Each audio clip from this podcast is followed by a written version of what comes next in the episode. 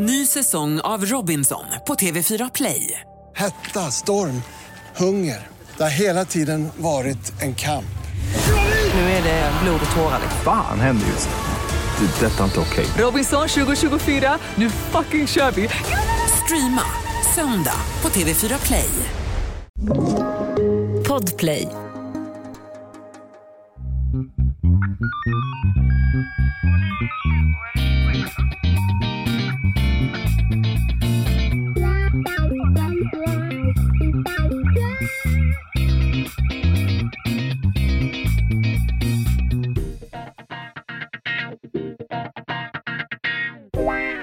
Välkomna till krimpoddarnas krimpodd Över min döda kropp. Det är avsnitt 266. Och jag, Lena, sitter återigen i Podplays studio med Oliver bakom rattarna och vi är sjukt redo för att dra in en intervju igen. Och jag har var sällan, eller det var länge sedan jag var så pepp på en intervju. Det här är en intervju som också är hiphop. Ni kommer snart förstå varför. Framför mig sitter en gäst. Han är polis, föddes i Libanon i början på 1980-talet, kom till Sverige som sjuåring, växte upp i Ulricehamn, bestämde sig för att bli polis och nu är han liksom en profil, eller ska vi säga hela Sveriges polis. Välkommen till podden Nadim Ghazale. Ja, tack så mycket. Vilken presentation. Ja, men jag vet. Jag är inte klar. Aj, aj, aj. Eh, po- polisprofil, inspiratör, debattör. Jag skulle nog kasta på det kanske lite opinionsbildare, för att inte säga sommarpratare och författare. Ja. Jag har i panik dyngat i med boken nu inför intervjun. Den var, vi körde lite ad hoc. Jag sa, när, när kan vi ta intervjun? Är jag i Stockholm typ nu? Okej, så att jag har så att säga ätit den. Otroligt flexibel har du varit. Otroligt! Du, skulle bara, du vill inte veta vad jag gjort medan jag har lyssnat på boken. Du är så mycket, men framförallt är du hiphop. Mm, det är jag.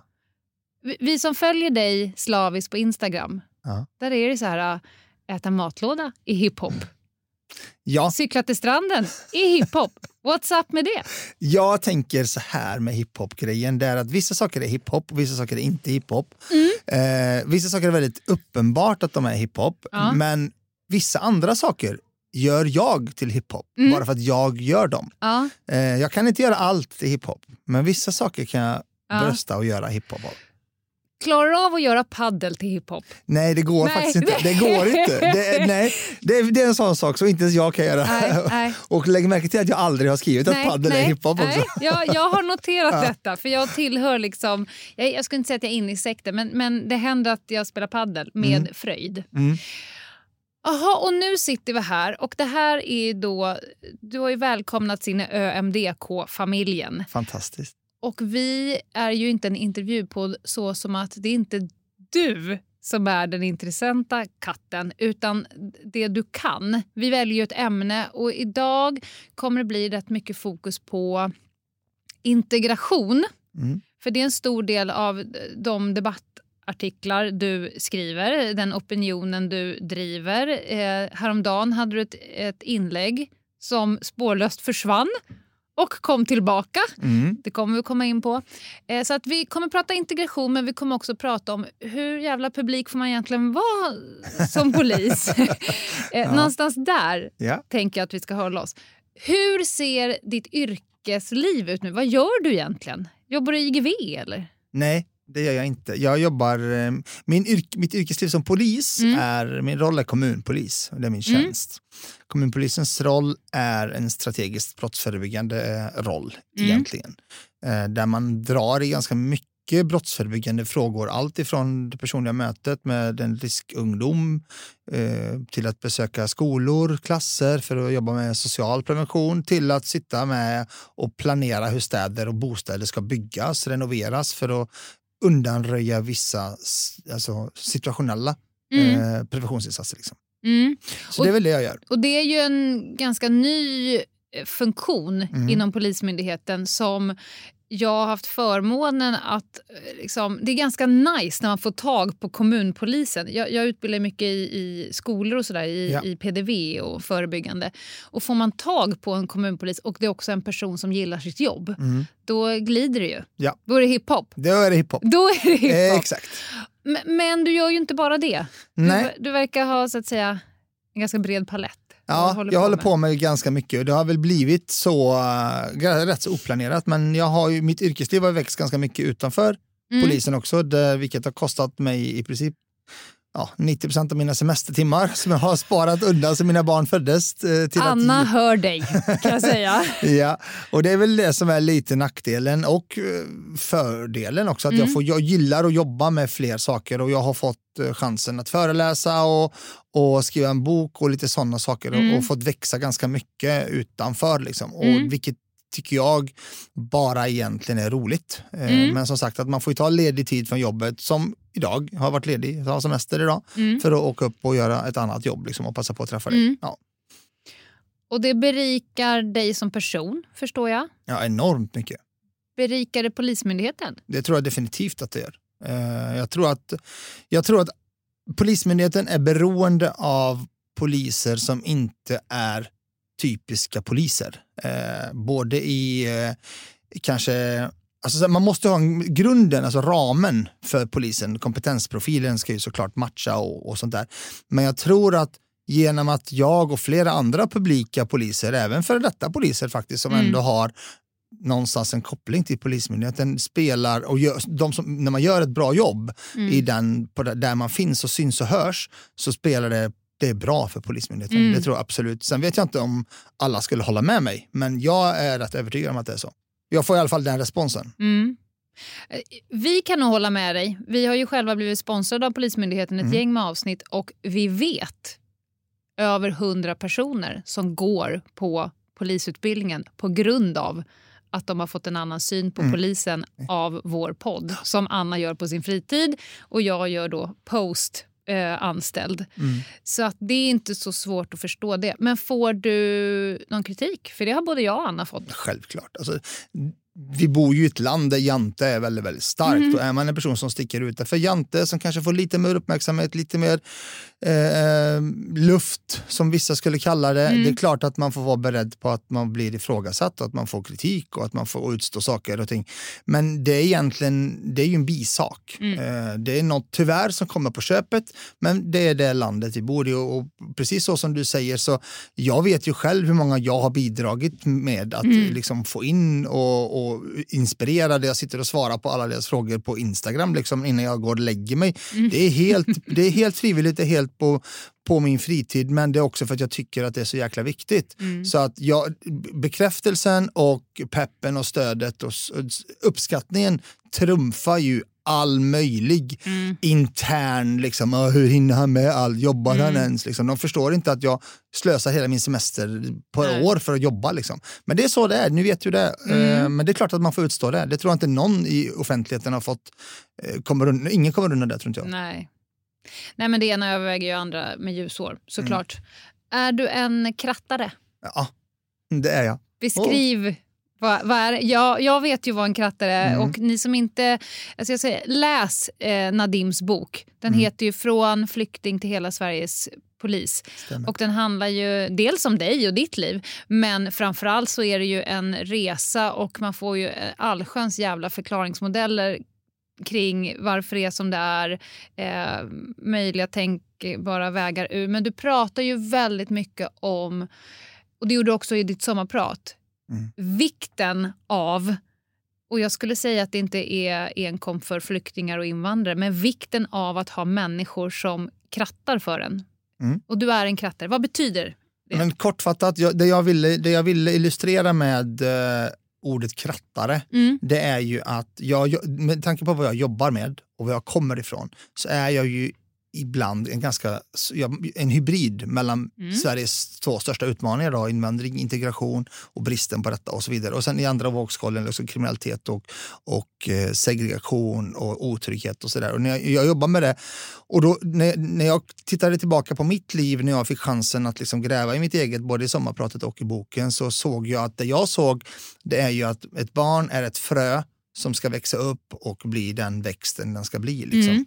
Ehm, och det ett frö som är omringat av ogräs som på brottsförebyggande språk eh, kallas för riskfaktorer kräver att det finns skyddsfaktorer för att kratta undan det här ogräset och skapa förutsättningar för att fröet ska växa. Mm. Eh, De skyddsfaktorerna benämner jag som krattare. Jag gör en liten liknelse där. Att Mm. Den som hjälper till genom i sin vardag, genom sina gärningar, genom sitt jobb, genom sin aktiva användande av påverkan och makt som den har, har över en viss person. Hur föräldrar är mot sina barn, hur lärare är mot sina elever.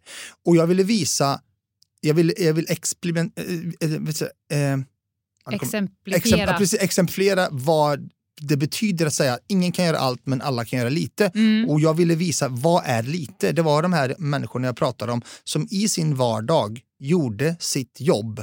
Mm. En, I sin vardag var en bra kompis och därigenom blev de också en bra krattare Mm. som var, blev en direkt skyddsfaktor för mig. Eh, när jag växte upp, för jag hade några riskfaktorer när jag växte upp med tanke på var jag kommer ifrån och hur jag växte upp och sådär. Och det ville jag bara visa att vem som helst kan vara en krattare. Alla som går till jobbet varje dag påverkar en annan person. Alla människor som jobbar med andra människor kan vara en krattare. Mm. Eh, en, en skyddsfaktor, en bidrag, en god orsak liksom, till, till att hjälpa till. Och jag brukar säga att jag är en produkt av godhet.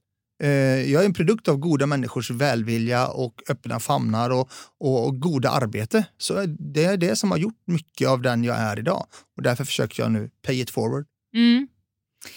Eh, ett citat som jag läste i din senaste inlägg. The child who is not embraced by the village will burn it down. Mm. Det är inte mitt citat, Nej. det ska jag säga. Eh, Det hade jag gärna, det var snyggt. Mm. Eh, nej, men det, det säger ganska mycket att det du inte är en del av vill Mm. du heller inte bidra till. Eh, och det märker jag är en enorm utmaning i, i Sverige idag med inkludering och segregationen. Det är ju att det är så många människor som aktivt eller, eller, eller, eller mindre aktivt är utanför vårt samhälle. Och ju fler vi har utanför vårt samhälle som inte kommer in av olika orsaker, eh, ju fler har vi som inte bidrar till samhället. Och det du inte är en del av bränner du hellre ner. Mm. Eh, Vi hade eh, nyligen ett avsnitt om eh, där vi gick igenom liksom det rättspolitiska valfläsket. Nu, nu alla partier, när det här sänds då har det varit val. det är tur det tror jag. Ja, För mig. ja men, men det... ehm, och där gick vi igenom då valaffischerna. Det, det utlovas att det, gängen ska knäckas, eh, mer poliser, högre straff. Och där eh, har ju jag läst dig och där du tycker att det är för kortsiktigt. Man utlovar mycket, man ska få liksom, makten, göra kortsiktiga grejer och så börjar det om och det kommer liksom inte funka långsiktigt. Eh, vad tycker du är rätt integrationspolitik? Vad, vad ska politikerna fokusera på om det här ska liksom, lösas? Om, om politikerna ska vara krattare? Mm.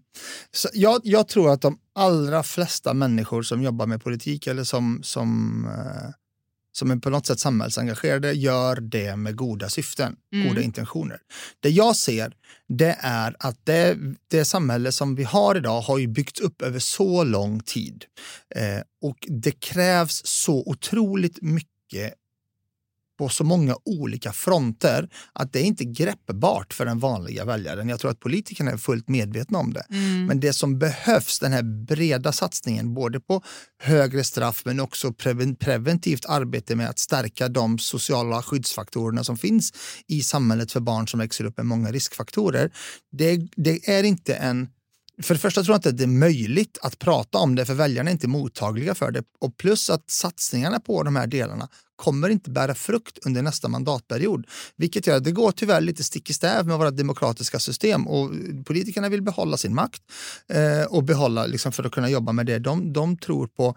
Och det gör ju att inte det som behövs på riktigt, på djupet för att förändra strukturer. För det är, struk- det är mycket, så mycket strukturer som har gjort att vi är där vi är. Sverige är ju liksom det, det ser ganska likadant ut senaste, senaste 30 åren. Så som, det är bara att det har spätts på både segregationen och de livsvillkoren har förändrats liksom, för många människor. Och det är det jag tycker är så jäkla synd. Därför att när det blir så, lång, så kortsiktigt, då saknar man liksom en, man kanske har en outtalad strategi för sin politik i 20 år framåt. Men när fokus är att man ska vinna en val vart fjärde år för att kunna Mhm. hålla den så blir det liksom inte någon riktig, det blir ingen strukturell förändring utan det blir hela tiden enkla lösningar. Och jag ska inte ens börja prata om valfläsket och valaffischerna för jag, jag är så trött på politik just nu.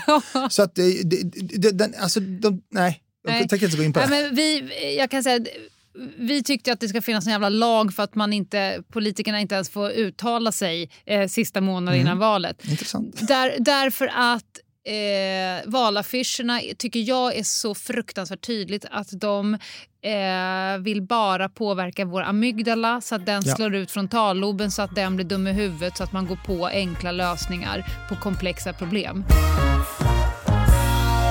En, en väldigt stark scen i din bok är när du hör ljud. Dunk i en vägg. Eh, Du inser att någon söker hjälp. Du hoppar över ett staket, bryter in, hittar din granne, en gammal tantalura. Jag vet inte, har de brutit lårbenet eller Ja. något liknande?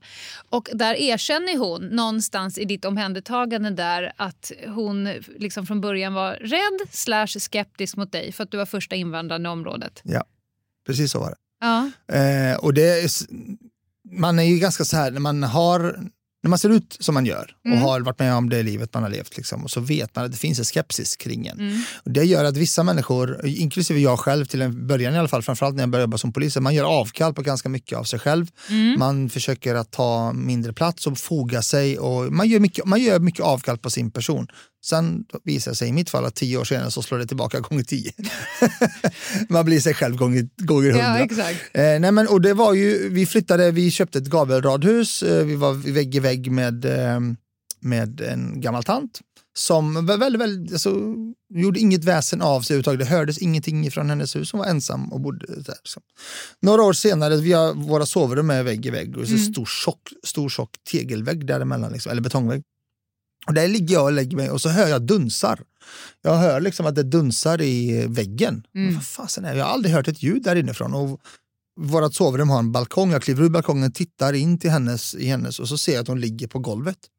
Och där sitter hon och slår sitt huvud i väggen för att hon vill påkalla vår uppmärksamhet. Ja. Och, hon, och jag bröt mig in där och hon ringde hennes son, ringde ambulansen, vi löste det. Sen när jag kliver in där, då är det för, tänk att det var du som skulle liksom rädda mig. Och så berättade hon där och då hur snacket gick när jag hade köpt huset där uppe. Ja. För då var det pursvenskt område. Ja. Eh, många grannar till mig, det var liksom småbarnsfamiljer och äldre, men det var många äldre. Och där liksom är det ju så att det, det, hon, hon ber- berättade, och sen har du varit så fin mot mig, för jag klippte hennes gräs, jag fixade hennes tak, våra hus satt ihop. Liksom. Mm. Och hon är ju inte kapabel till någonting. Så det, där var, det, där var, det där var fint, men det är också väldigt, väldigt talande Ja. för hur det faktiskt är idag. Eh, ja. Hade du hört, hade, hade du plockat upp att det har talats om dig? Nej, men jag kunde ju ana det. Ja. Alltså, det, tyvärr så formas man ju i det när det finns en... Men jag, ska inte säga, jag ska inte säga rasism, men det finns en främlingsfientlighet. Liksom, som, Mm. som, och som, har man växt upp med den, och eh, ibland har den övergått till ren rasism, men väldigt sällan är det det. Det finns en distanstagande. Liksom. Mm. Och problemet med det är ju att när man känner av den, då är det ganska lätt att själv göra samma Japp. sak. Ja. Eh, att man tar en utanförskapsidentitet. Och det är det jag ser i våra utsatta områden till exempel. Att utanförskapsidentiteten blir starkare än vad man vill vara, än viljan att bli en del av samhället. Mm. Det, blir, det är exakt samma mekanismer som, som, fungerar, som fungerar. Så var det för mig också. Så nej, jag hade du frågat mig, var det någon som sa någonting? Nej, det var ingen som sa något, men jag kände ju av det. Ja. Eh, sen kunde säkert ibland, ibland, i vissa fall är det säkert inbildning, men där fick jag det bekräftat. Om jag, när man nu följer ditt Instagram och läser din bok och så vidare, du är ju extremt svennig. Ja, det är jag. Du är liksom precis mitt i, i, i prick för svennighet, men det syns inte på dig. Och Det är Nej. liksom det som, det är ju bara det första visuella intrycket och där någonstans där har ju folk placerat in en i ett fack och sen kan man ju såklart ta sig därifrån, men det är ju rätt svårt. Det vet du själv, när man har placerat någon i ett fack, det, det, man, eh, det har jag ju som spanare utnyttjat. Ja. Alltså, har, du, har du placerat mig i rätt fack, då kan jag göra rätt många fel. Du kommer inte Exakt. vilja ta mig därifrån. Nej. Men det där är också jätteintressant tycker jag, för det, det är någonting som mina vänner har sagt till mig när vi har växt upp. Du vet. För att, och det, det, blir ett sånt etikettläggande. För, men men du, du, är ingen, du är ingen blatte, säger de till mig. Du är ju svenne. Men vad är svenne? Ja. Är det en person som jobbar, har körkort, bil, hus? Vad är det ingenting för oss? eller? Vad, bet- vad betyder det? För Mm. då blir blatte snedstreck invandrare. Då blir det per automatik någonting negativt. Det är Exakt. någon som inte har hus. och. För jag har ju en jättestor del av invandrarna i mig. Min Mm. egna kultur, hur jag är, hur jag tänker och så här. Min religion och lite sådana saker. Men mitt liv, ja, det är precis som vem som helst. Mm. Men vet du hur många det är som är precis som jag?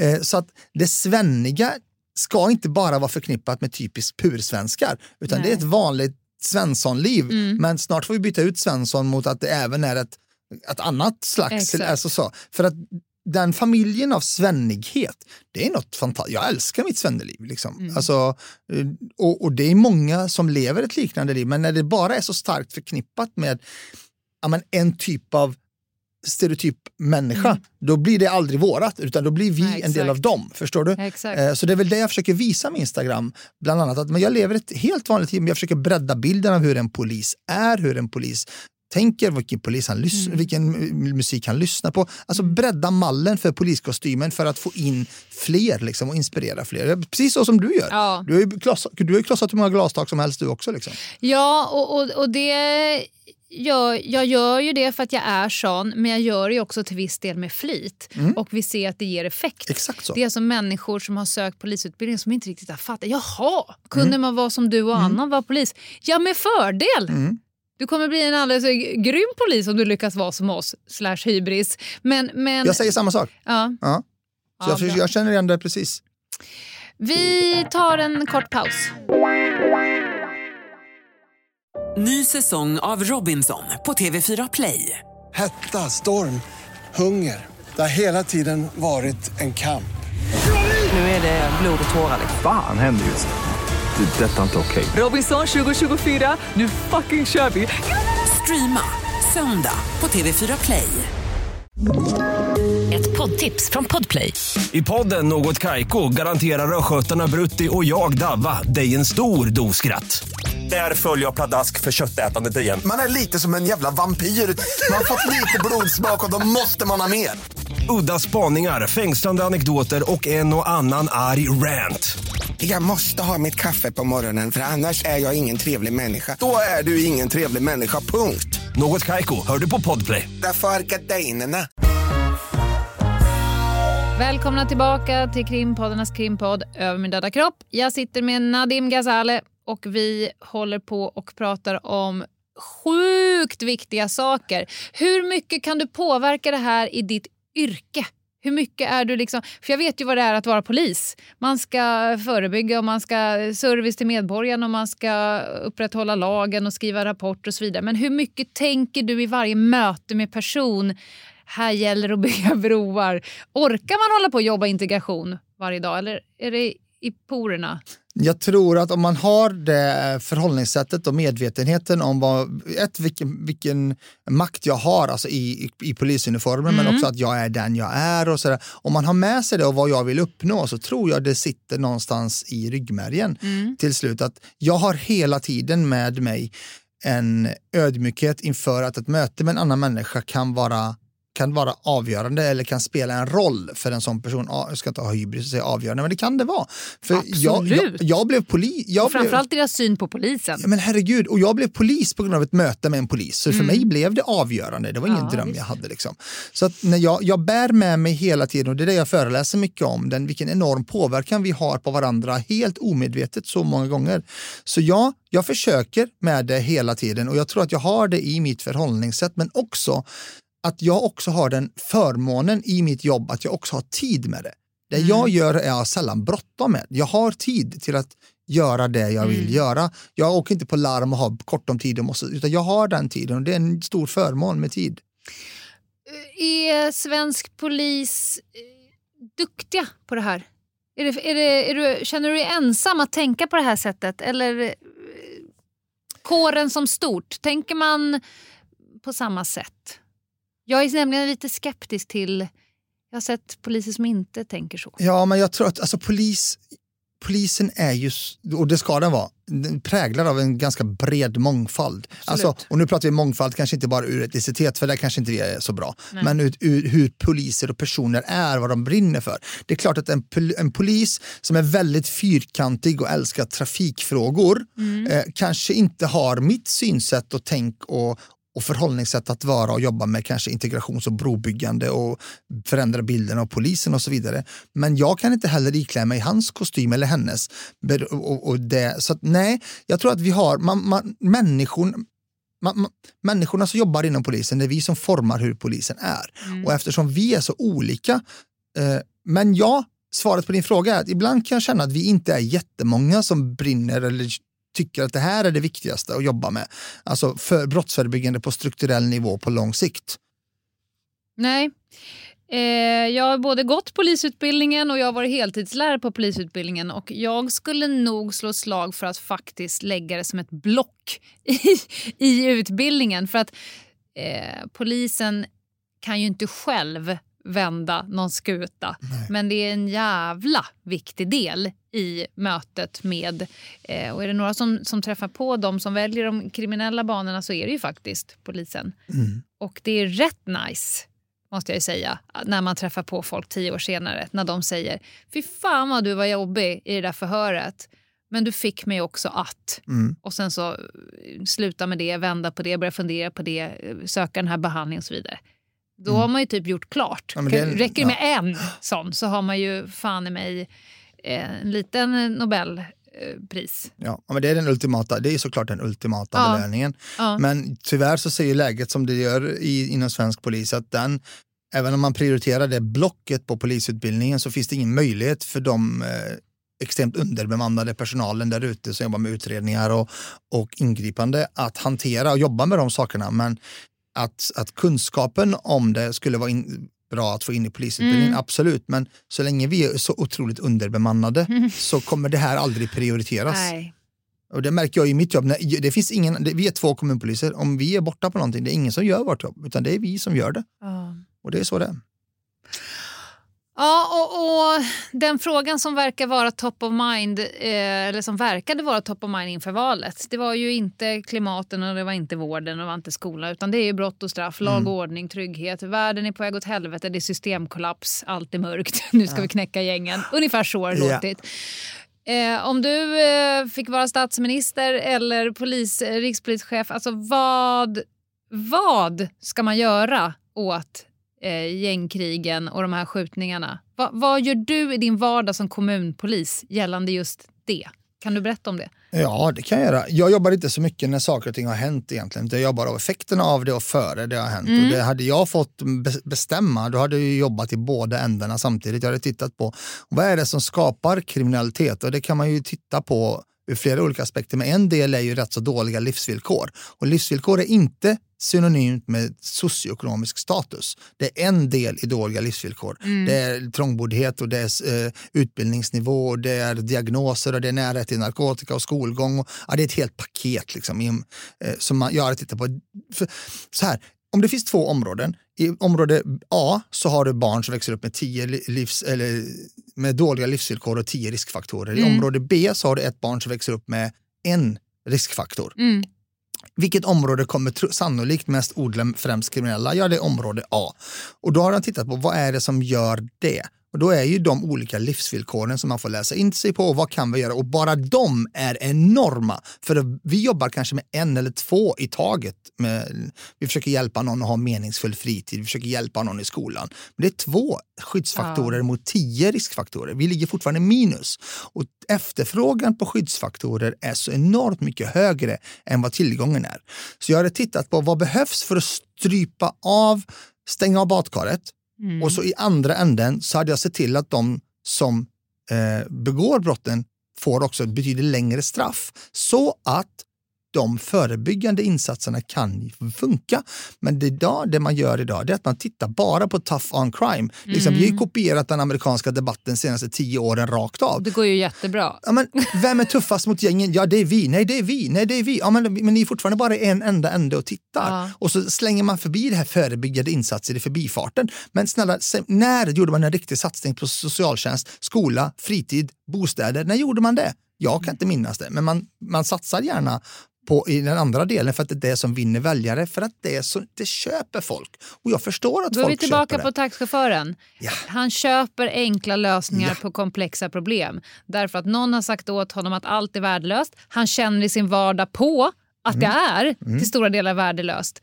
Och sen så ska han också vara rädd. Amygdalan ska strypa syretillförseln till det rationella centret och sen så eh, blir det pannkaka. Så, det hade jag gjort om jag hade haft Ja. Sen kanske om, om, omorganiserat polisen också. Ja. Det, det, är, det är ett eget avsnitt. Nej, men, vill du säga något? Nej, men det finns ju, det finns ju effektiviseringsåtgärder man kan Ja. göra hos oss. Absolut, det finns det. Ja, men, och det har ju vi varit inne på flera gånger. Absolut gärna fler poliser. Ja. För det går inte att klona sig. Man kan bara göra så mycket Mm. arbete. Men alla vi som har varit inom polisen, och jag säger det ibland eh, raljant när jag föreläser liksom för företag, skolor, sjukhus, vad det nu må vara. Att så många av er ska så stor del av möjligt göra så mycket ni kan. Var inte som polisen där 60% gör ingenting under många... ja, och då skrattar de ju lite. Jag, jag säger inte det när jag föreläser för Nej. polisen, men för andra. Bara för att man ska fatta. Ja, Eh, och ja, att Mm. effektivisera organisationer är väl alltid... Liksom, då får man ju ut mer, liksom, mer effekt ur färre personer. Sen kan man ju prata polisutbildningen också, hur den ser ut och lite sånt där. Det har ju Men, varit lite snack på slutet här. Ja, det är det. Vad säger du? De kan alltså- inte tanka bilen, de är lågbegåvade. Det är liksom, Mm. Och jag eh, har ju kompisar som går på polisutbildningar och, så, och det, det är så jävla många dumhuvuden i klassen Mm. man undrar om de kom in. Och då blir man ju, ja, säger man då. Vad bra det kommer kännas när de kliver ut. Det där, är, det där är faktiskt jättefarligt om det nu är så. Jag kan inte uttala mig för Nej. det. nu. Jag är, jag är aspiranthandledare och jag har haft många aspiranter och mina aspiranter ja, de, har, de har varit bra. Liksom. Det Ja. har inte varit fel på dem. Men jag tror att jag tror att man ville göra, det, poängen som görs här är ändå relevant. Ja. Det är ju att med, även om man säger att man inte har sänkt kraven så har man gjort det. Ja. Man, man stressar in kanske lite grann för att det finns ett politiskt tryck. Jag vet inte. Men jag tror att om när jag gick polisutbildningen 2004 till 2006, visst fan kunde jag hitta fem exempel på horribla insatser och horribla poliser om man hade velat göra 200 sekunders avsnitt där också. Men jag får också reaktionen, precis när jag delade någonting som Ja. också blev borttaget av Instagram faktiskt. Jag delade en tweet där någon hade raljerat om att snart kommer polisen och skjuter i benet. Liksom. Ja. Då var det våldsamt innehåll, herregud. Ja. Eh, men då fick jag också några sådana reaktioner från Ja. polisstudenter. Ah, du ska bara veta hur det ser ut. Ja. Liksom. Jag bara, oh, wow. Eh, det var inte, alltså, så jag, jag blev lite sådär av, av reaktionen att döma. Det, är det illa liksom? Så jag vet inte. Nej, och, och, och vi har ju många gånger blivit mörkrädda när folk säger gällande polisutbildningen. Alltså jag har, jag har missat en tenta tre gånger nu vad det nu är i straffrätt. Så lyssnade jag på ert avsnitt om straffrätt och där ramlar polletten ner. Då har man ju bara så här, vad gör ni där borta? Ah. Okej, ja. eh, pedagogiken.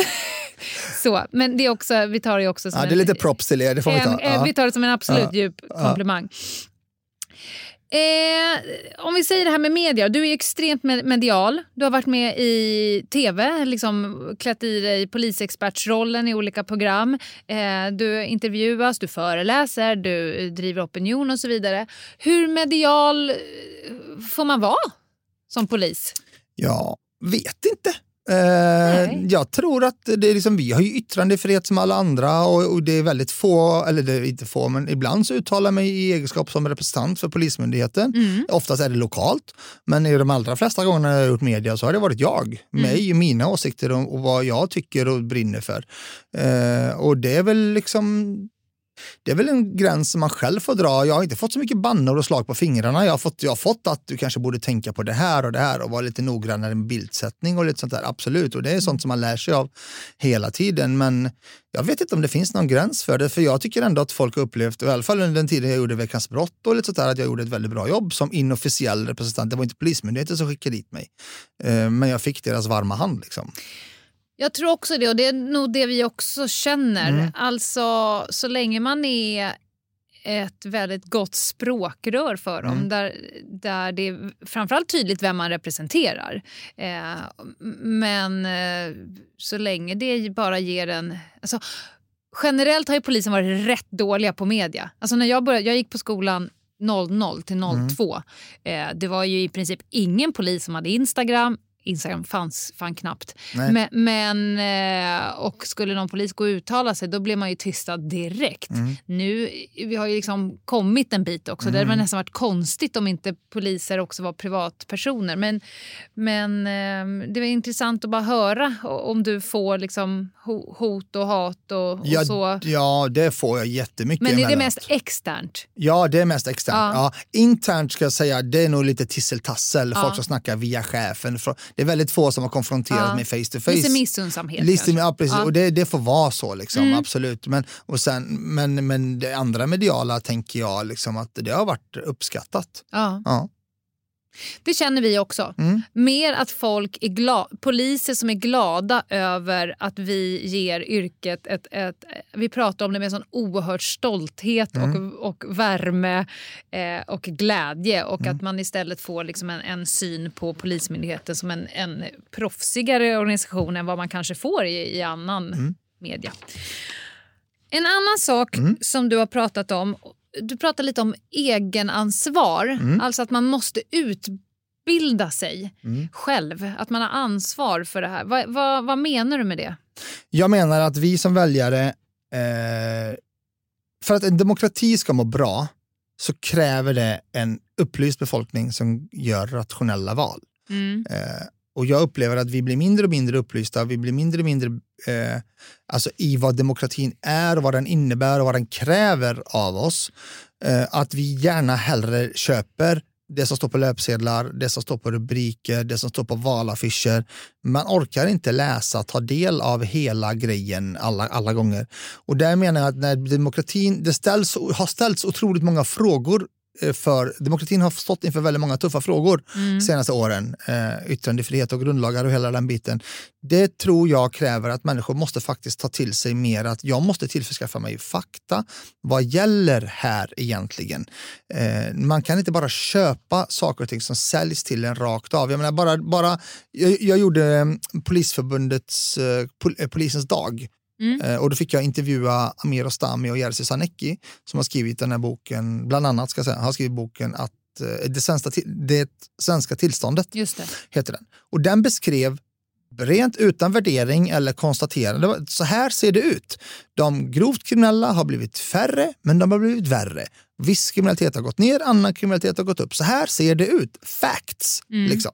Det är sånt som jag tycker att medborgare som ska gå till en valurna och lägga sin röst ska veta. De ska veta det svenska tillståndet så som det är beskrivet i forskningen, inte av löpsedlar. De ska veta hur polisen jobbar med utsatta och särskilt utsatta områden. Det finns en bok som jag tipsar om, om det. Och de ska också veta hur demokratin, hur skör den faktiskt är och hur viktig den är. Vi som kommer från länder med katastrofala demokratier, eh, som är skendemokratier mer eller mindre. mm, Eh, vi, på något sätt upplever jag, när vi förstår vad demokratin är och värderar den så värderar vi den mer högre än den som har växt upp i den. Vi tar den för givet. Ni tar den för givet lite Mm. grann. Och speciellt när man, när man är som jag också väldigt samhällsengagerad och jobbar Mm. med samhällets baksidor och problem och försöker med det jag försöker göra, som är väldigt många människor, så upplever jag att när jag, när jag, när jag samtalar med vänner och kollegor, så här, jag upplever att folk har inte det intresset. Jag gör en valundersökning på DN och så bestämmer jag vad jag ska rösta. En kompass. Men jag får ju panik på det där, men bryr vi oss inte mer än så här? Vi avslutade faktiskt vårt avsnitt om eh, liksom det rättspolitiska valfläsket så avslutade vi med här, poddens tips. Mm. Skit i vad politikerna säger nu. Bestäm dig för några hjärtefrågor som du tycker är viktiga. Gå till forskningen, läs på av forskningen och sen kollar du vad, i partierna vad, vilka som har en lösning som ligger närmast den forskning som du har hittat. Där ska du lägga din röst. Jävligt klokt tips. Ja, men, eh, och det är ju för att vi försöker motverka att folk är så jävla trigger-happy på åsikts. Tourettes. Alltså, jag känner en känsla och så måste det vara. Och sen så blir man ju lätt slightly stupid. så. Vi får hoppas. eh, att folk gjorde så. Vi har inte sagt någonting om hjärtefrågorna men, men liksom välj vad du tycker är viktigt Ja, och ja, sätt dig in i Mm. det. Ja, eh, vi ska avsluta med två saker som jag alltid avslutar med de som eh, kommer och gästar oss. Det ena är om du fick önska vad du ville. Alltså en ny lag, eh, ny utrustning, nya rutiner. Om du, om du fick önska vad du ville eh, liksom till jultomten, vad skulle det vara? Åh herregud vilken svår fråga. Mm, nytt paddelrack. Ja, nej, jag badar i sådana. Jag, jag, jag, jag väljer är du en material... Är du en Ja, material ja, ja, okej. 100 procent. Ja, jag, kan, jag, kan, jag inte spela det här racket, jag tar ett annat. Ja. Eh, nej men vad jag ville, det är det, den frågan tycker jag ställer lite grann det som vi talade om innan lite grann på sin spets. För det, jag kan inte bara välja en sak. Nej. För att det, är, det, är, det kräver mer. Det är inte att jag är girig utan det blir att om jag kräver lägre bevisbörda, det var det min hjärna gick till direkt. Liksom. Ja. Och det är lite så kontroversiellt. Jag, Ja. jag, jag sa det i Veckans brott en gång att när man är två i en källare och en Tre personer går ner i en källare, två kommer ut, den, den ena är död. Eh, då har någon av de två mördat den personen. Mm. Ja. Då borde det där ligga omvänd bevisbörda. De ska gola på varandra. Ja, exakt. Alltså, förstår? Be- bevisa att det inte var du. Exakt, Ja. jag, jag fick jättemycket skit för det av jurister och, och, och, och advokater. Så jag ska passa mig lite grann för det. Men det var dit jag, min hjärna gick, att vi måste få fler dömda. Vi lyckas inte. Vi Ja, får... men det, här, vi, det här har du podden med dig. För Ja. Vi har ju sagt eh, vi har ett rättssystem där man blir dömd på ställt utom allt rimligt tvivel. Nej, nej. Vi har ett rättssystem där man blir dömd på ställt utom all jävlsköns dumma tvivel Mm. du någonsin kan komma på. Om du kan hissa ut ett enda tvivel så kommer du inte bli dömd. Superintressant, för jag tror att jag sa det i Veckans brott, att just nu är det rimliga tvivlet är orimligt tvivel. Ja, men Ja, helt, helt korrekt. Så att det, det var dit min hjärna gick, så jag får väl gå dit då. Ja. Att vi, måste, vi måste lyckas få fler uh, grovt kriminella som vi vet har gjort Ja. saker och ting dömda för brott. Ja, de ska inte Ja. ut. Eh, Det jag också hör dig, jag hör en annan önskning, det är att du vill att de som bestämmer inte bara eh, går på en sak. Utan att de, eh, din önskan är att de jobbar bredare och mer långsiktigt. Ja, det var tydligt. Ja. Och den andra är, har du något mer skick till våra lyssnare? Vi har ju nästan 300 000 lyssningar i månaden. Vi har jävligt mycket härliga människor som lyssnar på oss. Om du får, vill skicka med dem någonting, förutom att de ska läsa din bok, Nadim Ghazale, och lyssna på ditt sommarprat, för de kommer lära sig skitmycket. Någon annat medskick? Nej, men jag tycker att människor som konsumerar den här typen av fantastiska produktioner som det faktiskt är, jag är ett stort fan av er podd också, snälla. det är därför jag är här. Jag tycker fortsätt med det, fortsätt använd Ta till er information från människor som vet vad de pratar om oavsett vad det är ni brinner för. Tycker ni krimpolitik och kriminalfrågor är viktiga, fortsätt lyssna på det. Fortsätt välja rätt kanaler. Eh, för att det, det, ni, era röster och er kunskap och era gäster och så där, det påverkar de som lyssnar. Så häng i det där och behåll det intresset för det ni brinner för, för då får ni rätt saker. Sen får ni såklart gärna konsumera det jag gör också, men hitta eran grej, hitta någon, någonting som, som en trovärdig källa som också har, liksom, vet vad de pratar om. Och så eh, försök att skaffa kunskap. Fortsätt skaffa kunskap. Kunskapstörsta mer. Liksom. Ja, Det är, det är det finaste epitetet vi får. Det är att fan, ni är folkbildare. Ja. Det kan inte, man kan inte vara något finare. Nej, jag håller med. Tänker jag. Jag håller med. Tack snälla för att du tog dig tiden att vara att jag med i vår podcast. och från och med nu kan vi väl ändå konstatera att Över min döda kropp Är är hiphop. hiphop. Tack Nadim. Tack. Ja, Anna, då är vi tillbaka off studio. Eh, Väldigt intressant eh, inblick. Eh, kommunpolis, en extremt viktig roll. Att Mm. bryggan mellan civilsamhället, eh, liksom, yrkeskåren, polismyndigheten. Kommunpolis, det förtjänar nästan ett annat epitet, gör det inte? Ja, det låter lite som Det att de alla lite- behöver ha en landstingsfrisyr. Exakt. Ja. Integrationspolis, eller? Ja. Nej, jag vet inte. Mm. Ja, Bara men en det är ju reflektion. fruktansvärt eh, viktig roll, alltså Mm. kommunpolisen. Men också, eh, han är ju liksom prickad att tänka så. Mm. Och jag frågade så här, hur, hur många inom Polismyndigheten tror du tänker så? Att så här, I varje möte ska jag vara den goda kraften, den som krattar, den som gör att du får en ny bild av Polismyndigheten. Hur, I din vardag, har du ens Mm. tid att hålla på och interagera med eh, allmänheten på det sättet när du är kriminaltekniker? Absolut inte. Men Nej. jag önskar att jag hade det faktiskt. Mm. Därför att jag menar, oavsett händelse så, så dyker det upp allmänhet. Och det tyder Mm. på att man är intresserad och kanske lite nyfiken och allt det där. Men det innebär ju också en möjlighet för människor Mm. att stifta någon slags liten bekantskap med en Mm. polis. Och det tycker jag är ett ansvar som man egentligen har som polis. Att ta vara på sådana Mm. chanser som dyker upp. Man ska se det som Mm. en chans att prata med människor. Ja, verklin. En förmån. Mm, en förmån. Och, och sen så, det här spelas ju då in innan eh, valnatten. eh, så vi har ju, Sverige, vi har ett resultat, men det har vi ingen aning om. Men det han önskade ju och efterfrågade, det är någonting som jag vet att både du och jag håller med. Att både jobba långsiktigt, förebyggande, eh, att så få som möjligt ska välja kriminellt en kriminell livsstil, Mm. antingen Mm. välja eller puttas in det. Samtidigt som stora släggan, begår man grova brott så ska man sitta inne, man ska inte begå fler grova brott och man ska inte hålla på och, och jamsas med dem. De två sakerna tillsammans Mm. eh, är ju någon form av... Så att säga, man måste få stopp på eh, påfyllnad men samtidigt ha ett avskräckande att det är fel väg att gå.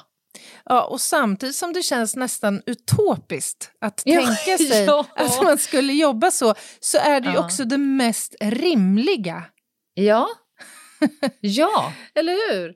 Hade det funnits enkla lösningar på Mm. de här jävligt svåra problemen, då hade vi inte haft några problem. Nej. Så det är bara att konstatera ödmjukt att det är skitsvårt att lösa det här. Och vi har ju Mm. inga svar, du och jag.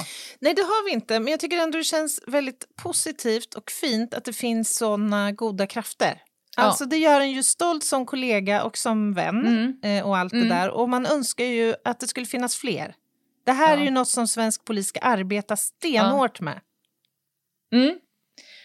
Totally agree. Och eh, han hade ju precis som vi fått lite höjda ögonbryn och rynkade pannor, men eh, mestadels kärlek. Mm. Mm. Och eh, människor får en bättre syn av Polismyndigheten. Och eh, det går inte att vara gladare för. Verkligen inte. Nej.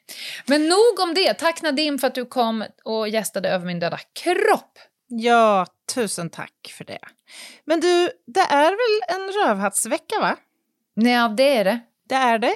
Det är det, inte sant? Men ska vi ta lite samhällsinformation först? Gärna. Ändå. Mm. Var börjar vi med detta? Jo, nu händer ju grejer på vårt Instagram. In där Mhm. för 17 och botanisera bland releasemingelbilder och signeringsutflykter och allt vad det nu är. Ljungdahl och Ginghede. Och för guds skull, eh, stick iväg och grabba tag i ett ex av boken vet jag. Någon måste Ja. dö. Det är ju faktiskt en kanonjulklapp, tycker jag. Ja, det är det ju. Vem vill inte ha lite hudflamsor under, under granen? Exakt. Eh, nej men och sen har vi en mejladress som heter hej och ginghede.se. Den kan ni använda om ni vill komma i kontakt med oss. Och, och jag skulle också vilja flagga upp för att vi börjar närma oss bokmässan. Ja, det gör vi. Mitt, mitt livs första bokmässa. Ja, hur känns det? Eh, nej men jag är helt blank. Flatline, för att jag vet inte vad som förväntar mig. Men att vi har fått ett ganska stadigt schema. Så jag skulle vilja räcka ut en liten hand om du befinner dig i Göteborg mellan 23 och 25 september. Mhm. Kom till bokmässan, för vi ska både ha livepodd, Mm. eh, humoristiskt om deckarmyter, står det som underrubrik. Det låter ju spännande. Det, Det och det är du och jag som ska... Ja, Just det. det är ju Ja, det det är låter vi. spännande. Det, det är vi som ska göra det. Sen ska vi ha boksamtal. Sen ska vi vara på någon form av scen och, och prata om någonting. Sen har vi snutfika. Poliser som skriver spänning. Mm. Och sen ska vi mingla och sen ska vi på middag och sen så eh, ska vi ju prata om hur det är att använda sitt yrke som grund när man eh, skriver eh, fiktiva romaner. Mm. Ja, det blir spännande. Det blir spännande, så att välkomna dit, ni som är så att säga around. Around, yes. Men du, jag kan inte bärga mig. Ska, Nej. ska vi ut i trafiken den här veckan eller? Eh, nej, vi ska eh, någon annanstans. Lenas rövhatt. Jag har varit på föräldramöten. oj, oj, oj, tackar, tackar. Varför har inte den här avhatten kommit tidigare? Nej, men, nej det kan man ju undra. Det kan man ju undra. Och det kanske inte kommer komma som en hel surpris att det där är ju satans påfund. Ja, ja det är Ja. Och varför har man inte behållit de goda sakerna som kom med pandemin? De digitala möjligheterna Mm. att vara på en plats. För det där är ju ett fucking trams. Ja, att man behöver sitta där med sin kropp. Nu, vi pratar kväll. Vi pratar 18 till 20, mitt i veckan. Vi pratar alltså, jag skulle säga ett 50-tal. Yeah. Eh, mest troligt, de allra flesta är liksom yrkesarbetande. Eh, det är arbetande människor som har platser att vara på, de har barn att laga mat till, de har ungdomar att skjutsa till träningar, de har djur att utfodra. Men nej, det är som ett jävla par- parallelluniversum. Man ska sitta på en stol i ett klassrum och sen ska man ju titta på en powerpoint. Allt är bra. Kudos till lärarna som har satt ihop liksom, välkomna, det är liksom, det här var min första titt på min sons gymnasieskola. Det är stort. Får, får jag bara redan där Ja. avbryta dig? För att Ja, du, du svepte väldigt snabbt förbi att man ska sitta på en stol och titta på en Mm. powerpoint. Jag för, fascineras varje gång jag är på de här mötena över ergonomin för våra barn i skolan. Ja. Alltså de Ja. här stolarna som våra barn sitter på Mm. åtta timmar varje dag. Mm. Eller sju kanske. Det Ja. Och som man sen tvingas att genomlida Ja. ett föräldramöte Efter på. 45 minuter så har man ju själv platt arsel. Ja, du vet, jag tar ju med såna ortopediska kuddar när jag går på de här mötena. hemorrojd Ja, ja, ja. ring Ja, och sitter kan- på. Jag får Ja. panik. Ja, det var en eh, Nu är bara. ju det här ett eh, idrottsgymnasium så jag vet inte om det är så jävla mycket sittande. Okej. Nåväl, man sitter där. Ja. Mm. Och, och lärarna och rektorn har ju liksom, och det, de går igenom det viktiga. Det här är de generella riktlinjerna för skolan, det här är vår filosofi, eh, de här digitala plattformarna jobbar vi med, det här förväntas vi oss av er föräldrar, det vill säga nu är de gymnasier, nu ska de börja ta mer ansvar, ni kan inte hjälpa dem med läxorna längre för att ni kommer inte fatta någonting av eh, fysik C och allt vad det nu heter. Mm. Så. Men det, då sitter det ju ett gäng jävla dumhuvuden bland föräldrarna. och då kommer det. Första handen åker upp. Och eh, min syster trodde att hon skulle vara där, men det visade sig att hon inte, hon var liksom där fel tid, så hon stod i korridoren och väntade på mig. Hon sa så här, ja men jag väntar till du är klar, kan vi Ja, träffas ja. lite efteråt?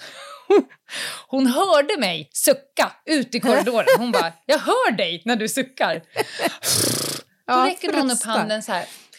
För då var det ju diskut- diskussion om mat. Ja, Mm. det är en het Och då säger då fråga. rektorn, det finns alltså ett, ett eget rum med kylskåp och mikrovågsugnar så man kan ta med sig matlådan. Fasen För det här är, det är bara elitsatsande, eh, idrottande ungdomar i, i allsköns jävla sporter. Mm, Så att matfrågan är ändå viktig, för de gör ju fan inget annat än att träna dag och natt och kväll och allt vad det nu. De har matkort som de kan använda i eh, dagvaruhandeln, de kan gå på x Mm. antal restauranger, de kan gå till en restaurang där de, som har en fucking stjärna. Alltså det, vi pratar lyxmat. Mm. Och använder du inte ditt kort en dag, då först liksom de pengarna ackumuleras till nästa dag. Och jag tänkte så här, fy Men fan vilket Gud, jävla system. bra. Nej, nej, nej, nej, Anna. Nej, då föll inte börjar alla de. på läpp. Då börjar hyenorna. Hur lät det? Ja, lilla Kalle hinner inte äta innan sin träning på tisdagar. Hur tänker ni kring det? Man bara, du vet, jag tittar med ett sånt djupt och innerligt förakt. Är det här en fråga Ja. som måste tas i detta forum. Just det. När rektorn pratar om skolans generella riktlinjer. Den här frågan kanske du kan ta på Kalles individuella samtal. Ja. Eller bara skicka med en falukorvsring. Det finns i några övers nu efter Ja. val. Ja, ja, ja, ja, ja. Nej men alltså jag, jag får fan psykbryt Ja. på föräldramötet. Det, Samma den här, här. grotesko-scenen är ju... Det finns ju en grotesko liksom Mm. över ett föräldramöte. Men varför kan Nej. folk inte bara sitta, ta till informationen, håll käften och gå hem? Mm. Varför måste man gå in på just mitt barns, Mm. just mina eh, liksom, individuella behov? Hur tänker ni kring det här? men Alltså, jag- jag, kan ja, inte jag- förstå detta. jag det är sånt själv- ru- rövhatteri. ja, men jag håller verkligen med. Jag har funderat på orsaker till detta. Eh, när jag själv har suttit och genomlidit liknande situationer. Mm. Det är ju ofta samma tema i alla fall. Att det rör en, sp- en väldigt specifik och smal frågeställning Ja. rörande ett enskilt barn Mm. eller så. Mm. Eh, och, och ofta det där temat att man inte hinner och det blir väldigt tajt för mitt barn mellan gympan och hinna till klassrummet. Och Mm. alltså allt det där.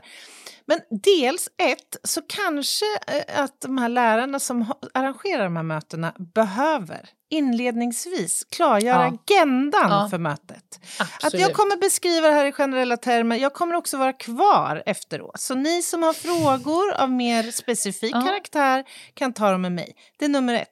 Nummer två är ju att de här människorna har ju laddat för att få ställa frågan och få sympatier från omgivningen. Ja. Alltså det är ju någonting där. Och då, och då får de ju då Lenas slem i nacken för att jag flåsar så otroligt bestämt. Nej men det... Ja, men- nej men...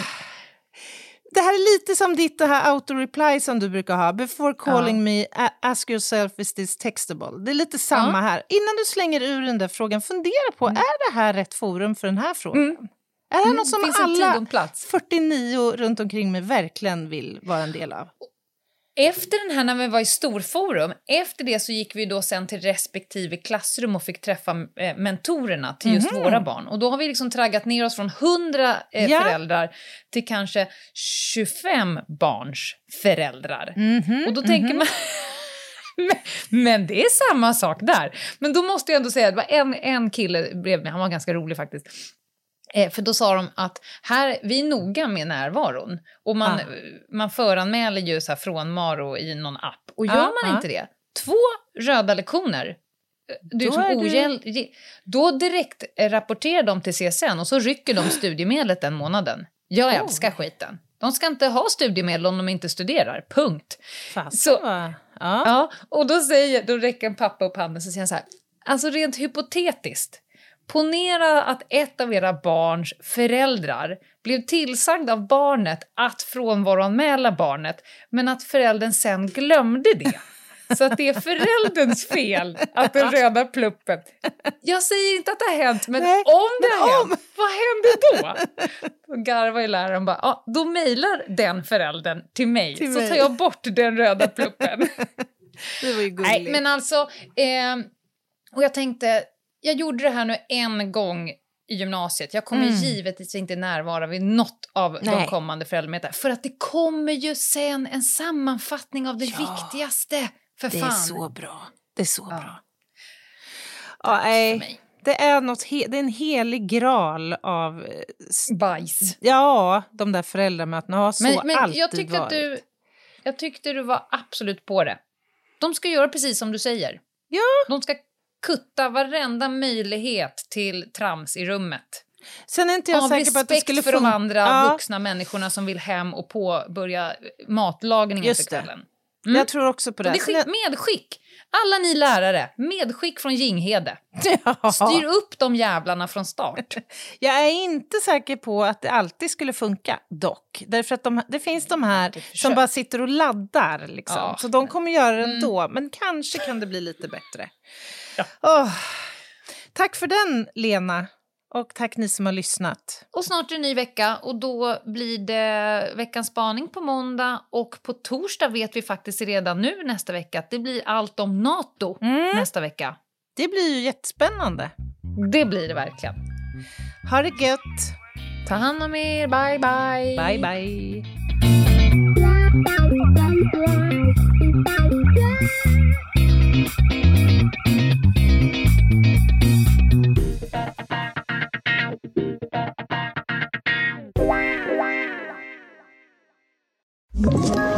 Ett poddtips från Podplay. I podden Något Kaiko garanterar östgötarna Brutti och jag, Davva, dig en stor dos skratt. Där följer jag pladask för köttätandet igen. Man är lite som en jävla vampyr. Man har fått lite blodsmak och då måste man ha mer. Udda spaningar, fängslande anekdoter och en och annan arg rant. Jag måste ha mitt kaffe på morgonen för annars är jag ingen trevlig människa. Då är du ingen trevlig människa, punkt. Något Kaiko, hör du på Podplay. Därför är gardinerna.